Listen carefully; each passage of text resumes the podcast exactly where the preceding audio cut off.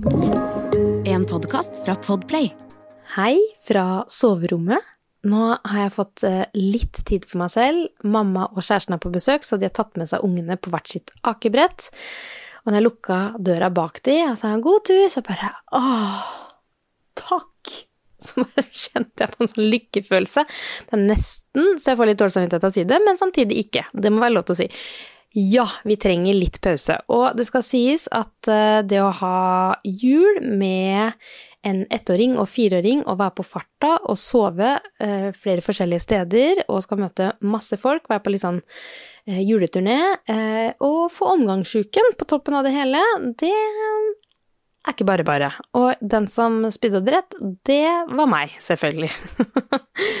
Veldig god på timing, og har eh, da også klart å smitte hele min familie. Så det har vært eh, litt uh, småkaos. Så deilig å bare ta en liten sånn fot i bakken her, uh, og faktisk dele noe jeg har lært i jula, som jeg tar med meg resten av livet, tenker jeg. For det her er faktisk viktig læring som jeg må dele, som har faktisk gjort jula litt bedre for oss. Ja, så det er kanskje det viktigste jeg skal si. Jeg heter Merete Gamst, og det her er Positivistapodden. Jeg kan egentlig gå rett på læringa. Og det er noe så enkelt som at det å starte jula tidlig og få opp julepynten tidlig og starte kosen med barna tidlig, sånn som at vi hadde pepperkakebaking her, og vi på en måte eh, At jula forlenges. For hvis du tror at du skal bygge opp at liksom til julaften, og det er da høydepunktet er Selvfølgelig er det høydepunkt med gaver og sånn, men det er så lett å bli skuffa når man skal tenke at det er de tre juledagene hvor alt skal være perfekt. For jeg kan love deg, hos oss, det var absolutt det motsatte av perfekt. Det var et kaos, fordi man har en ettåring eh, som er rastløs, og som ikke gidder å sitte rolig ved bordet. Eh, og hun har vært litt av ulage. Jeg lurer på om egentlig smitten kommer fra henne, så at hun stakkars har egentlig vært litt sykere enn vi har forstått. Hun har hatt litt løsebleie. Jeg tenkte ikke noe mer over det. Men eh, det var jo eh, Ja. Jeg som ble sjuk eh, først første juledag, men de dagene, liksom lille julaften, julaften, så var hun liksom ekstremt sutrete. Og det er klart at da skal du sette deg og nyte et julemåltid. Det går jo ikke. Så det er sånn, jeg tar de små øyeblikkene eh, jeg får, sånn som at eh, eh, fetteren til Amelie synger jula inn, og farmor spiller på piano. Det øyeblikket kjente jeg hjertet, og så begynte kaoset etter det når man skal sette seg ned og spise, men da fikk jeg de der, det øyeblikket der, og så var det noe sang og dans litt senere på kvelden, det var helt nydelig, og så fikk vi eh, den pakkeseansen hvor vi hvor barna i hovedsak da åpna gavene, og de var så lykkelige. Så det var helt herlig å se, og så har man på en måte kutta litt ned på gaver òg, så det var ikke sånn derre helt overflod. Altså, det er jo mange ting. Men jeg syns at uh, det, Altså, det var ikke sånn at de bare ikke gadd å åpne eller ha neste. Det var sånn at de virkelig satte pris på de pakkene. Um, og ja, nei, det var bare helt, helt herlig, og da var Vilma også med og syntes det var gøy. Da skjedde det noe.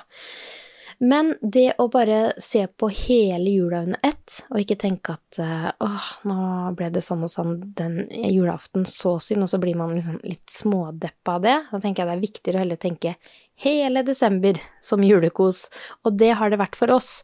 Så når jeg begynner å spy eh, på morgenen første juledag, og hele den familiefesten ryker for min del. Jeg ligger i kjelleren til svigers og omtrent ikke rekker fram til dassen. Det er jo ikke toppen av julekos, det.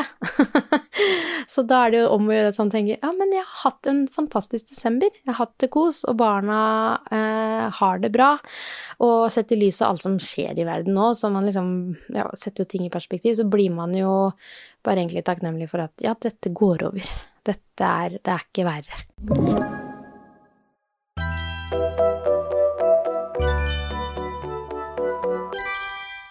Så, så, det har jeg tatt med meg, og så gikk det heldigvis fort over, så bare får jeg telefon fra min søster, som da også har blitt sjuk, og så er det familien der som har nedfortelling, og så plutselig er det mamma, og så er det liksom svigerfar. Ja, så det er jo eh, omtrent eh, en eller annen form for rulett, da, eh, å være sammen med oss, virker det som.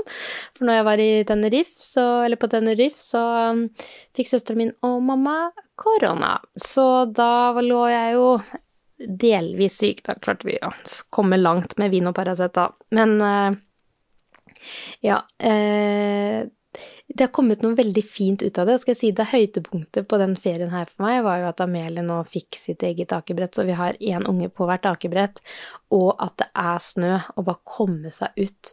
Og det gledeshylet fra små og store når man setter utfor bakken. Det gjorde vi på julaften òg, og da har vi en bakke som heter Fjelldal i Sarpsborg, som er ganske sånn bratt, og vi satt utfor der. Altså, det var så gøy.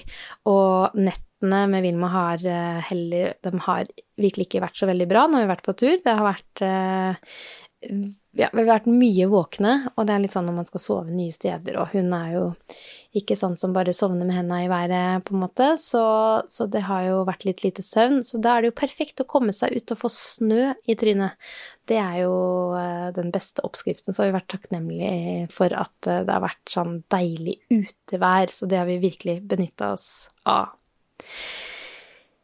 Jeg gleder meg til året som kommer med med Positivistapodden. Jeg kommer til å ha gjester, litt sånn fast eh, annenhver onsdag er planen, eh, med forbehold. Og eh, kom gjerne med innspill til hvem dere vil ha i studio, men nå tenker jeg faktisk at jeg trenger litt sånn hjelp, da, fordi nå snakker jeg med litt sånn optimistisk stemme og ting, sånn, men jeg har virkelig syns det har vært tøft i jula, og når ettåringen f.eks. nekter å kle på seg. Hun har slått seg så vrang um, og bare går helt i klikk, sånn at jeg liksom må nesten Eller ikke nesten, jeg må bruke makt da, for å få på ungen uh, longs og lue. Så eh, jeg blir jo helt fortvila. Jeg syns det er skikkelig kjipt. Og så, eh, det som jeg har skjønt nå i ettertid, så ok, hva er greia, hvorfor nekter hun å kle på seg? Det er fordi at hun skal kle på seg selv. Hun er så sta. Så hun sitter og skal kle på seg selv. Så i dag hadde jeg beregna det. Tenkte, ok, her er klærne dine, kan du kle på deg selv. Så sitter hun og får det selvfølgelig ikke til, men hun prøver og prøver og prøver og prøver en halvtime. Og så til slutt så var det sånn Fikk hun litt over hodet, og så holdt hun på å lese, jeg får bare tøysa borte til titt og sånn. Og så var det sånn Kan jeg hjelpe deg nå? Ja da gikk det bedre. Så eh, det der å faktisk få skikkelig tid med barna, sånn som man gjør da nå som det er eh, ferie og man bare er sammen, så er det jo det der å være nysgjerrig på ungen sin og bare sånn Ok, hva må til her for at dette skal gå lettere?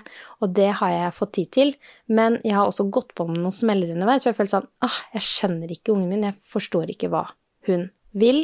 Så det har vært krevende. Så når jeg nå vil ha gjester inn i studio, for jeg har kjent på stress Jeg har vært litt sånn Kan jeg bare gå og legge meg nå? Jeg orker ikke mer. Jeg er trøtt. Jeg har kjent på så masse stress. Um, også da kombinert med lite søvn. Og nå skal jeg jo i gang med pendling til Oslo, uh, hvor det nå kreves at man skal være på kontoret uh, hver dag. Jeg er veldig spent på den nye tilværelsen. Uh, men jeg ønsker å prøve, eh, og jeg ønsker å ha gjester i studio som kan bare hjelpe oss som er i samme situasjon. Altså mødre som kjenner på at tiden ikke strekker til, og at vi ønsker å ha lavere skuldre, men det er fuckings ikke så veldig lett eh, av og til. Så jeg ønsker å få inn gjester som kan bare hjelpe oss til å bare få litt lavere skuldre, uten at det trenger å gå på bekostning av ambisjonene og målsettingene våre, fordi det er også viktig, da. Så, så, jeg ønsker bare rett og slett å ha gjester inn i studio som kan uh, uh, ja, ha gode samtaler som er inspirerende på en eller annen måte. Ok, jeg har mye på hjertet nå, men jeg skal gi meg der. Og så skal jeg uh, plukke opp mikrofonen om ikke så altfor lenge igjen. Og så vil jeg bare ønske deg en nydelig romjul hvor vi prøver å puste med magen. Det er ikke alltid så lett. og snart er det nyttårsaften. Nytt år, nye muligheter, som Amelie sier. Vi prekes!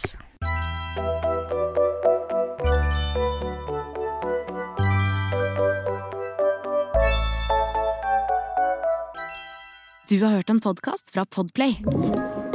En enklere måte å høre podkast på. Last ned appen Podplay se podplay.no.